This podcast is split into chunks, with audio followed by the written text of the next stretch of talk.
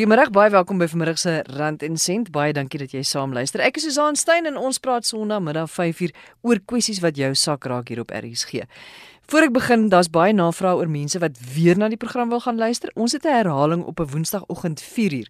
As jy daai tyd van die oggend dapper en braaf genoeg is, en jy kan natuurlik ook gaan ons webblad www.rsg.co.za waar jy die program kan aflaai as 'n pot gooi. Verlede week het ons met die verbruikerspesialis Ina Wilken gepraat oor verbruikers se jongste neigings. Wat koop ons Suid-Afrikaners? Waar koop ons dit? Wat beteken dit? Dit was baie duidelik kos en klere is die belangrikste items wat die goed waar sonder ons nie kan klaarkom nie. So luksus is in hierdie stadium laaste op die lys. Vandag gaan ek weer met haar praat. Ons gaan hoor wat is die grootste foute wat verbruikers maak. Sê nou maar die vyf grootste foute. En dan gaan ons ook kyk na die vyf dinge wat ons wel reg doen wat haar laat voel goed so. Miskien leer ons iets daaruit. Ons praat ook oor roekelose geldleenpraktyke en vereistes wat die nasionale kredietreguleerder al in April ingestel het vir elke persoon wat onder skuldberading gaan. Maar ek begin met e-filing en vra daaroor wat gereeld opduik. Andrei Tak is op die lyn, hy is 'n beleggingskonsultant van 10X Investments. Andrei, ek dink jy moet sommer vir ons wegval. Um e-filing en wat is die vraag, wat is die probleme en en ook die goeie dinge? Susan, ja, ek dink eh, SARS het dit baie makliker vir ons as Afrikaners as individue gemaak. As jy self gerig is en jy het self deur die SARS webwerf gegaan, kan jy self jou belasting doen van 'n paar dae terug af en die e-filing of e-laseringsstelsel laat jou toe om te doen.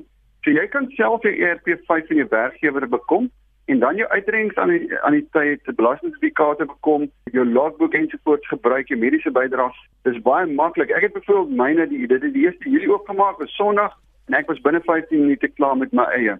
Dit stel jou net in staat om 'n beter beheer te hê oor jou eie finansiële aspekte. So jy kry onmiddellik binne 'n paar sekondes sit jy dit in die rekenaar in wat SARS vir beskikbaar stel en jy weet ook dan binne 'n paar sekondes of jy dan 'n belasting gaan terugkry of aan jy dan in SARS geld sal met skuld. Maar Andre, vir wie werk hierdie ding goed? Want Jy weet ek dink daar's mense wat wat miskien 'n komplekse belasting-situasie het, mense wat wat jy weet ek dink nou maar sommer aan myself wat nou nie baie lief is om hierdie soort van goed te doen nie en wat nou soort van 'n mens het nou verskillende inkomste van verskillende plekke want jy werk vryskut. Ek stem heeltemal mee saam. Ek dink baie komplekse aspekte waar daar neer is uh, uh, jy weet die salarisinkomste is van 'n paar waar daar hier inkomste waar daar trust betrokke is, buitelandse inkomste, dan moet jy definitief spesialis belastingadvies inwin. Dit is baie belangrik om te doen. Maar wanneer jy wanneer jy jou ERP5 kry, jy het een salaris, jy het nie ander inkomste nie, jy het net wat nog belasting af, aftrekbaar kan wees, is net dalk bydrae tot 'n mediese fonds, dinge wat jy self betaal het en wat mediese fonds nie betaal het nie, asook uitreikingsaniteite, jou vervoer, dan kan jy dit self doen. Dan is dit ook nie nodig om iemand 'n fooi te betaal om dit te doen nie maar dat spesialis belastingadvies ingebind moet word is definitief 'n vereiste vir ander meer gekompliseerde saak. As jy dit self doen, is daar nou 'n manier dat jy kan seker maak dat jy belastingverligting kry of genoeg belastingverligting kry vir al jou spaarplanne? Definitief. Ek dink daar is so een of twee reëls spesifiek oor van alle beleggingsprodukte en ek verwys meer na uitreikingsaniteite in 2016 in werking gekom. So dis nuwe reëls maar die voordele vir as kliënt dat dit belastingaftrekbaar is, is nog steeds dieselfde. So wat basies gebeur het is die Suid-Afrikaanse beleggingsbedryf verwys na die tydperk tussen die kalender en die belastingjaar as die uitreikingsaniteitsseisoen. En dit is gedurende die tyd dat belastingbetalers hul inkomstebelastinglas kan verminder deur 'n aanvullende bydrae tot hul uitreikingsaniteite te maak. Dis juist hierdie geld wat ek bedoel wat dan nadat jy dit gedoen het tot einde Februarie 2018 nou met e-filing wat oop geopen het 1 Julie dan aftrekbaar kan maak en die realiteit daarvan kan sien hoe dit werk wanneer die geld dan as as as as 'n terugbetaling in jou betaal word. Dis eintlik lekker nê, nee, want dan kan jy self daar sit en jy kan jy kan sien watter voordele dit vir jou gee en wat nie. Dit is definitief so en ek dink die maklikste, die mees eenvoudige manier om daarna te kyk is die som is baie eenvoudig. Hoeveel het ek bygedra? Kom ons sê jy het R10000 bygedra oor die periode dan maal jy dit net met met die marginale belastingkoers om ons sê 25% dan gaan jou terugbetaling 2500 wees op daai eenvoudige berekeningkie wat ek gedoen het. Ek dink wat baie belangrik is is die nuwe wet het in 2001 Maart 2016 het verander dat IA bydraes en alle aftrede bydraes, pensioenfonde, voorsorgfondse kan nou teen 'n baie hoër koers 27.5% afgetrek word met 'n jaarlikse beperking van 350 000. Dit is baie goeie nuus hierdie hervormings. Is goeie nuus vir mense uit pensioen nie pensioengewende in bronne, want hulle kan nou 'n groter aftrekking eis hiervoor. So wat baie belangrik is dat kom ons sê mense wat aanvullende bydraes wil maak, is dit ook 'n baie werkbare en aantreklike opsie. Kom ons neem 'n voorbeeld, 'n miljardige werknemer wat byvoorbeeld 'n marginale belasting van 41% het en 'n vergoeding van 1 miljoen rand kan bydraes eis tot 275 000. So al hierdie nuwe vooruitsigte maak dit baie meer maklik vir ons om te verstaan en dis hoekom ek sê daar's 'n spesifieke groep mense waarvoor die e-filing definitief sal werk. Die slaggate waarvoor 'n mens moet uitkyk as jy besluit jy gaan vir die e-filing opsie? Dit is baie baie belangrik. Ek dink jy sal moet seker maak daar spesifieke kodes vir wat jy kan aftrek, dat jy weet wat die kode is. SARS se webtuiste is maak dit vir ons baie maklik as jy onseker is. Dan kan jy na die kode gaan kyk om seker te maak want as jy jou belasting ingestuur het, eh, dan dan is dan nie terugkom. Jy kan wel op die objeksie aanteken, maar as jy dit aangestuur het, dan is dit ingestuur. So maak seker as jy by 'n punt kom waar daar iets vir onduidelik is, sou ek aanraai vir kliënte om dan maar in te gaan na die SARS kantoor of van belastingadvies gebruik te maak van deskundiges. In die algemeen het ek gesien dat mense was effens huiwerig en weer gepraat het om dit aanvanklik te te begin, maar nou doen hulle dit al vir 3, 4, 5 jaar as die enigste manier uh om dit te doen. Wat baie lekker is van die webtuiste is jy kan selfs op die webtuiste terwyl jy besig is, op 'n knoppie druk dan sal iemand aan die ander kant by SARS op die rekenaar jou help om stap vir stap deur te gaan En die ander ding is ook daar is ook 'n rekenaar. Kom ons sê jy het nou al jou goed ingevoer in die stelsel en jy wil net kyk hoeveel kan jy dalk terugkry of moet inbetaal? Is daar 'n berekeningsopsie wat jy dit kan doen voordat jy dit instuur? En dan gaan hy vir jou sê dit is wat jy min of meer gaan. Nie min of meer ek het nog altyd gesien oor die jare, dis altyd baie korrek. So, dit gee mense 'n bietjie gemoedsrus. Um, ek dink die proses is baie maklik. 2, 3 la dae later word hierdie gelde dan aan jou terugbetaal. Hoe begin ek nou? As ek nou besluit goed, ek wil hierdie e-filing gebruik, hoe begin ek? Jy tik eenvoudig net die woord e-filing in klein letters op Google. Dan maak jy vir jou bladsy oop, dan registreer jy. Jy registreer en jy kry jou eie kon ek wat sê op mooi Afrikaans word jou paswoord, jou e-, eie woord wat jy dan in die toekoms gaan gebruik met jou eie aantekennommer. Dit moet jy asseblief onmiddellik neerskryf en jy gaan dit altyd gebruik. Jy moet sorg dat jy weet wat is jou inkomstebelastingnommer en dan gaan SARS jou in kennis stel. Jy kan voortgaan. So die oomblik as 1 Julie aanbreek elke jaar, is jou ERP 5 vanaf jou werknemer reeds op die SARS stelsel. Dis nie iets wat jy nog hoef in te voer nie, dis reeds beskikbaar. Jy maak die bladsy oop, jy gaan deur die paar stappe en so ek sê dit gaan vir jou tussen 5 en 10 minute vat as dit 'n eenvoudige belastingberekening is. Baie dankie Andre Tak. Andre is van 10X Investments. Jy luister na Rand en Sent hier op RSG en volgende op die lyn is verbruikerspesialis Ina Wilken. Nou Ina, verlede week het ons nou gekyk na die jongste verbruikersneigings. Vandag praat ons oor die 5 grootste foute wat ons as verbruikers maak en jy gaan vir ons ook 5 goed gee wat ons reg doen en waarvan jy meer wil sien. Maar ek dink kom ons begin by die foute wat ons maak. Ja, Susan, daar daar is definitief foute wat mense maak en ek dink nie dit is altyd onwillekeurig nie. Ek dink dit is partykeer willekeurig, juis uit dat hulle nie die besef hoe belangrik dit is as jy met geld werk nie en nie die regtig die waarde van geld besef nie en nie besef hoe maklik jy naderhand niks oor het nie hier in die middel van die maand om dit nie in die begin van die maand als uitgegee het nie. So ek sou sê jou eerste is as jy nie begroot nie. 'n begroting is absoluut essensieel. Jy moet begroot. Jy moet weet wat kry jy in elke maand? Hoeveel gee jy uit? Hoeveel kan jy uitgee en wat het jy oor? Want daar's nie 'n manier wat jy alles kan uitgee nie teen die helfte van die maand.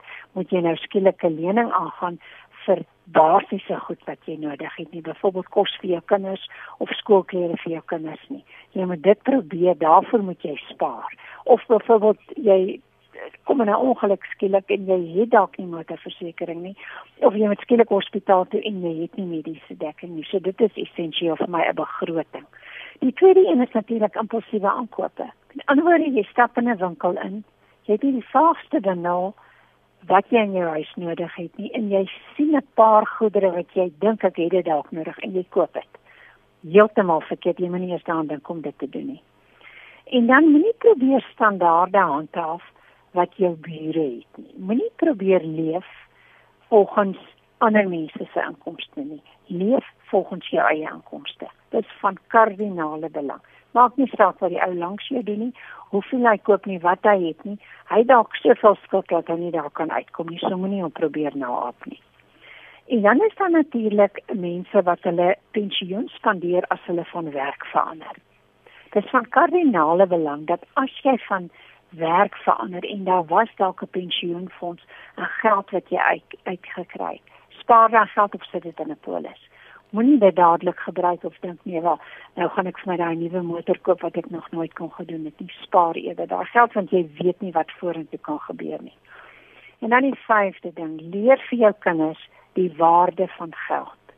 As ons seker ons kinders van kleintyd af leer hoe belangrik geld is nie en daarsonder kan jy niks doen nie. Dan gaan hulle groot mense word en is ons toekomstige groot mense wat nou besluite moet neem oor geld. En dit is vir my van kardinale belang dat ons hulle betyds leer wat om met geld te doen. Weet jy Ina, net 'n persoonlike verhaaltjie is dat dat my pa het altyd gesê, uh ja, mens moet bietjie hard wees op jou kinders. En baie keer as 'n mens iets wou gehad het en my pa het gesê nee, dan ek is altyd so, jy weet, jy's so kwaad want jy wil dit so graag hê. En nou kan ek terugkyk en sê dankie jy weet dat my pa my geleer het jy kan nie net alles kry wat jy wil hê nie. Dit kom nie net maklik nie. Soms moet jy 'n bietjie moeite doen voordat jy iets kan kry. Want nou besef ek die waarde van geld. Ek besef die die lekkerte as ek wel iets kan kry. En ek dink daai ding van van 'n van 'n bietjie wees 'n bietjie hard op jou kinders soms. Ek dink nie dit is dis heeltemal verkeerd nie. Of is ek nou net baie oudtyds? Nee, Susan, jy is 100% reg. Jy kan maar net in jou omgewing kyk of waar ons beweeg. Kan jy baie gou sien watter kinders kry? As hulle hulle monde oopmaak kry hulle. Jy kan dit daai jy kan dit aan hulle gedrag sien, hulle gedragspatrone. Hulle is nooit tevrede met wat hulle het nie. Dit is van kardinale belang en dit is soos aansluit natuurlik aan by dissipline. Hulle sê mos baie druklik buig die boontjie terwyl hy jonk is. Jy hmm. moenie dink as jou kind 16 of 17 is, nou gaan jy vir hom leer om te spaar nie. So nou, nou net gou-gou die die goed wat jy sien wat verbruikers wel reg doen, wat jy wat jy 'n regmerkie gee.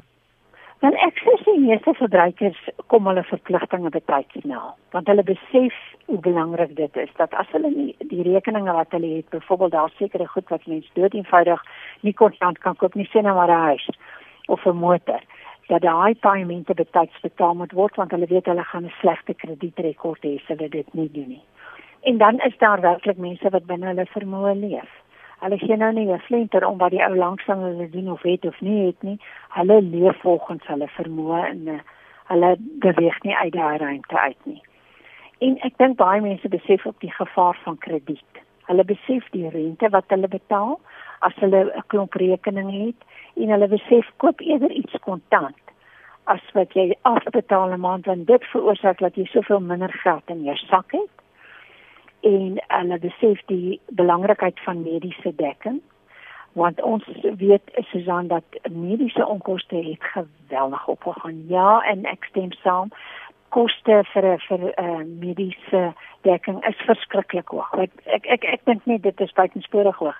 Die probleem is as jy dit nie het nie, wat gebeur vir daardie onvoorsiene wat gebeur? En ek dink mense besef dit en dan sorg hulle natuurlik dat hulle kinders in goeie skole kom. En en dit lyk vir my regtig asof mense agteroorbuig om hulle kinders in goeie skole te kry en te sorg dat hulle regtig hulle bes doen dat die kinders uh, goeie opvoeding kry dat hulle iets vir hierdie land kan beteken en natuurlik uiteindelik vir die ekonomie en vir hulle self. Ina baie dankie. Dit is Ina Wilkins. Sy is 'n verbruikerspesialis. En ons volgende gas is Matthys Potgieter, hy 'n skuldberader en hy is van DebtSafe. Hy is ook 'n bekende hier by ons in die Rand en Sent Ateljee. Matthys, jy praat nou van nuwe wetgewing, maar die die wetgewing dinge het in April begin verander, maar dit is om verbruikers te beskerm teen roekelose geldleenpraktyke. Verfris net gou-gou weer ons geheue. Wat presies is roekelose geldleenpraktyke? Roekelose geldrenpraktyke is wanneer 'n krediteur aan 'n verbruiker geld leen met die nodige agtergrond en kennis noodwendig in plek nie. So byvoorbeeld, jy leen vir die persoon geld wetende dat daai geld die persoon dit nie kan bekostig nie. En dis hoekom die nasionale kredietwet is baie spesifiek oor wat moet gebeur in 'n assessering sodra iemand wel aansoek doen vir krediet. Eerstens moet hulle gaan kyk hoe lyk die persoon se begroting, hoe lyk hulle kredietprofiel. Ehm um, hulle moet 'n assessering dan doen om te besluit kan die persoon tans die skuld bekostig, ook hoe lyk dat hulle vorentoe gaan hulle vorentoe die skuld kan bekostig. As daai assessering nie gedoen is nie en daai assessering is nie reg volgens wet gedoen nie, kan iets as roekeloos byvoorbeeld gesien word. Ook wanneer skuld byvoorbeeld 'n persoon oorverskuldig maak, kan dit ook gesien word as roekelose geldleenpraktyke. Ongelukkig in Suid-Afrika kry ons dit wel nog en die nasionale kredietreguleerder het vanaf 1 April onder skuldberaders ingebring dat elke aansoek of elke kredietooreenkoms wat binne skuldberading ingaan in die proses, moet ondersoek word vir roekelose geldleenpraktyke. En die rede daarvoor is eintlik maar net om seker te maak dat Suid-Afrikaners nie meer blootgestel gestel word daarin nie want ongelukkig is dit nog steeds 'n bietjie van 'n epidemie. Epidemie, hoe gereeld gebeur dit? Dit gereeld gewoon op 'n redelike gereelde basis as ons gaan kyk na die na die klein details daarvan. Ek dink wat baie belangrik is vir verbruikers eerstens om te gaan kyk wanneer jy wel 'n kredietooreenkoms aanneem by 'n instansie om seker te maak dat daai instansie is dan wel geregistreer by die nasionale kredietreguleerder, want dan beskerm dit jou as 'n verbruiker en dit beskerm ook dan daai party wat vir jou die geld leen. Ons kry dit baie keer in 'n konteks waar dit 'n bietjie meer van 'n informele geldleenpraktyke is waar dit baie wel gebeur. Maar soms by van die gereguleerde instansies kry ons dit ook hier en daar. Matthys wat ek nie verstaan nie, as iemand weet hy kan nie die geld terugbetaal nie, hoekom gaan leen hy geld? Tweedens, as ek 'n persoon is wat geld leen, uitleen aan iemand, gaan ek mos dan graag wil weet dat ek my geld gaan terugkry. So, hoekom leen hierdie ouens geld uit aan mense wat hulle nie seker is dat daai persoon hulle skuld gaan kan terugbetaal nie? Dit is 'n baie goeie vraag en ek dink 'n vraag wat nie noodwendig 'n 100% klink klaar antwoord het nie. Ons praat van roekelose geldleenpraktyke dat daar twee kante van die munt is. Eerste kant is dit wat die krediteur moet doen om seker te maak daai persoon kan dit bekostig soos wat ek nou-nou gesê het en die tweede ander kant daarvan is die verbruiker se kant. Waar jy moet weet kan ek hierdie bekostig? Ek gaan in 'n onderneming in. As ek my hand op papier sit, is dit my verantwoordelikheid. Ehm um, so dis hoekom ek sê dis baie moeilik want ek dink beide partye is partykeer in die verkeerd. Ek dink ook in 'n sekere konteks en ek ek is nou besig om te spekuleer, is baie keer het alles te doen met 'n verkoopsfoefie of 'n sales target. So ons moet 'n sekere hoeveelheid lenings hierdie maand uitdruk en dan partykeer raak dit 'n bietjie slap en hier en daar raak dit grys en goedes word deurgedruk net om persoonlik dalk in daai persoon wat die wat die seil doen se target te maak of die maatskappy se target. So dit is die enigste belangrike ding is dat dat Suid-Afrikaanse verbruikers moet regtig mooi ondersoek gaan instel en mooi gaan kyk voordat hulle enige hand op papier sit wanneer dit kom by enige kredietooreenkoms. Dit gaan wat die wet aanbetref. Wat sê hierdie wet nou? En hoe gaan dit nou vir my of jou wie gaan wat skuld wil gaan maak help? Die die ding is is as jy as jy kan bewys dat dit was roekeloos geweest. So daai skuld byvoorbeeld maak jou oorverskuldig of dat jy kan bewys dat op die oomblik wanneer jy daai skuld voor aansoek gedoen het, jy nie noodwendig ehm um, dit kon bekostig het nie of dat jy kan ook bewys dat die krediteur noodwendig al die assesseringsprosedures gevolg het nie volgens die wet. Dan kan jy teruggaan en jy kan gaan na die nasionale kredietreguleerder toe of jy kan gaan na die ombudsman toe en daai skuld kan op die einde heeltemal afgeskryf word. So dit is die positiewe kant vir die verbruiker.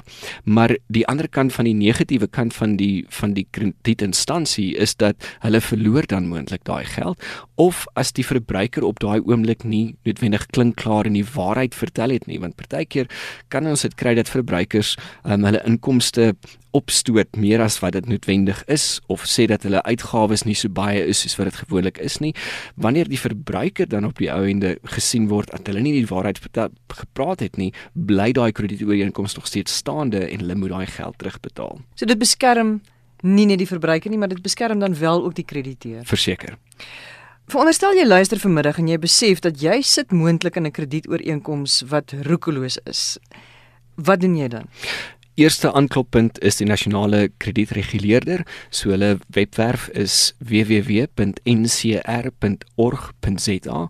Jy gaan daarop, jy ehm um, lig jou jou saak, maak seker dat jy al die dokumentasie beskikbaar het, die ooreenkoms wat jy geteken het, jou payslip of jou bewys van inkomste wat jy gehad het op daai oomblik of 'n 3 maand in bankstate is of 'n versekerde payslip. Ehm um, enige inligting wat jy gegee het aan die krediteur op daai oomblik toe jy dit onderteken het dit kan jy dan dadelik aan hulle aanstuur. Hulle sal 'n volledige ondersoek doen of jy kan natuurlik gaan na die ombudsman toe, maar al die inligting wat ek nou gesê het is ook relevant daarvoor. Die proses is partykeer baie lank, um, maar verseker is dit 'n beginpunt om te gaan kyk daarna. Die tweede ding is is om self ook met die krediteur te begin praat en vir die krediteur te sê dat jy vermoed hierdie is onverskillig, maar jy gaan moet 'n middelman kry. En jou twee opsies is die ombudsman of die nasionale kredietreguleerder. Hoe gaan jy weet jy sit in so 'n situasie? Dit is partykeer 'n moeilike situasie om te gaan uitfigure, maar jy gaan moet self gaan kyk na na jou persoonlike opstek van van waar jy op daai stadium was. En ek dink enige persoon wat op die stadium voel dat hulle onder druk is, finansiële druk is, is dit altyd 'n goeie idee dat iemand kyk na al jou kredietooreenkomste. Kyk na wat is die holistiese finansiële prentjie waarin jy jou tans bevind en hoekom bevind jy jouself tans in die moeilikheid? Ehm um, want dan gaan ons kan begin agterkom was hierdie rukoloos of was dit nie rukoloos nie. So my raad sal wees is gaan praat met iemand rakende jou holistiese finansiële prentjie as jy voel jy voel in die knyp. Um want gewoonlik sal ons agterkom dat iemand moontlik in die knyp is as gevolg van 'n rukulose leenpraktyk of of andersom. Matthys, jy het ook vroeër gesê dat 'n groot probleem wat ontstaan of waarom mense dikwels in so 'n situasie betrokke raak, omdat daar nou instansies is, omdat daar self supermarkte is hm. wat hmm. mense geld leen en hulle het blykbaar nie enige vereistes voordat hulle vir jou die geld gee nie. Ja, die wet is 'n klein bietjie besig om geomskryf te word of daar's voorstelle om die wet te omskryf. Die die beginsel van die nasionale kredietwet is om eerstens te sê dat dit nie moet diskriminerend wees nie. Die punt wat in die Hooggeregshof in die Kaap aangebring is is dat die die bewys van inkomste op die stadium is moontlik diskriminerend teenoor 'n Suid-Afrikaanse verbruiker. Hulle het die voorbeeld gebruik van 'n vrou wat blomme verkoop in Adderley Straat wat nie netwendige bankrekening het nie, sy werk alles op kontant, so sy het geen kredietrekord of kredietprofiel nie. En as gevolg van die wet hoe hy tans staan, kan daai persoon of daai individu dan nou nie aansoek doen vir krediet nie. Dis hoekom 'n paar van die kettingwinkels het wel 'n aansoek aangebring in die hof om te sê dat hierdie is dan op die ou ende diskriminerend en hulle gaan toelaat dat persone kan krediet aanneem sonder dat daar enige bewys van inkomste of formele bewys van inkomste is byvoorbeeld 'n bankstaat of 'n strokie wat jy kry vir jou salaris eh, 'n affidavit of iets soos dit moontlik kan gebeur. Die risiko omtrent dit is dat daar's geen kredietprofiel van die persoon nie. So 'n mens weet nie hoe lyk die persoon se betaal gebruike of se betaal habits en ek dink dit is waar dit gevaarlik raak vir die krediteur, vir die persoon wat op die einde die geld leen. Die interessante ding is is ook as mens gaan kyk na meeste van die kredietwinkels of van die van die kettingwinkels, is baie van hulle eintlik op die ou ende kredietverskaffers en toevallig verkoop hulle produkte as 'n mens na 'n ander hoek begin kyk na daai instansies. Matthys baie dankie. Matthys Potgieter, hy is van Detsafe, hy is 'n skuldberader daar. Nou dit is ons program vir vandag. Jy weet van ons boek, ons Rand en Sent boek. Onthou dit is beskikbaar by Exclusive Books. Dit is ook beskikbaar by Bargain Books en dan ook aanlyn by Amazon en by Loot. So jy kan gerus 'n draai daar gaan maak. En vir my kan jy e-pos stuur as jy vra het of jy het voorstelle, Susan@rsg.co.za. Dis S U Z A A N by rsg.co.za. Baie dankie vir die saamluister en ons praat volgende Sondagmiddag verder. Totsiens.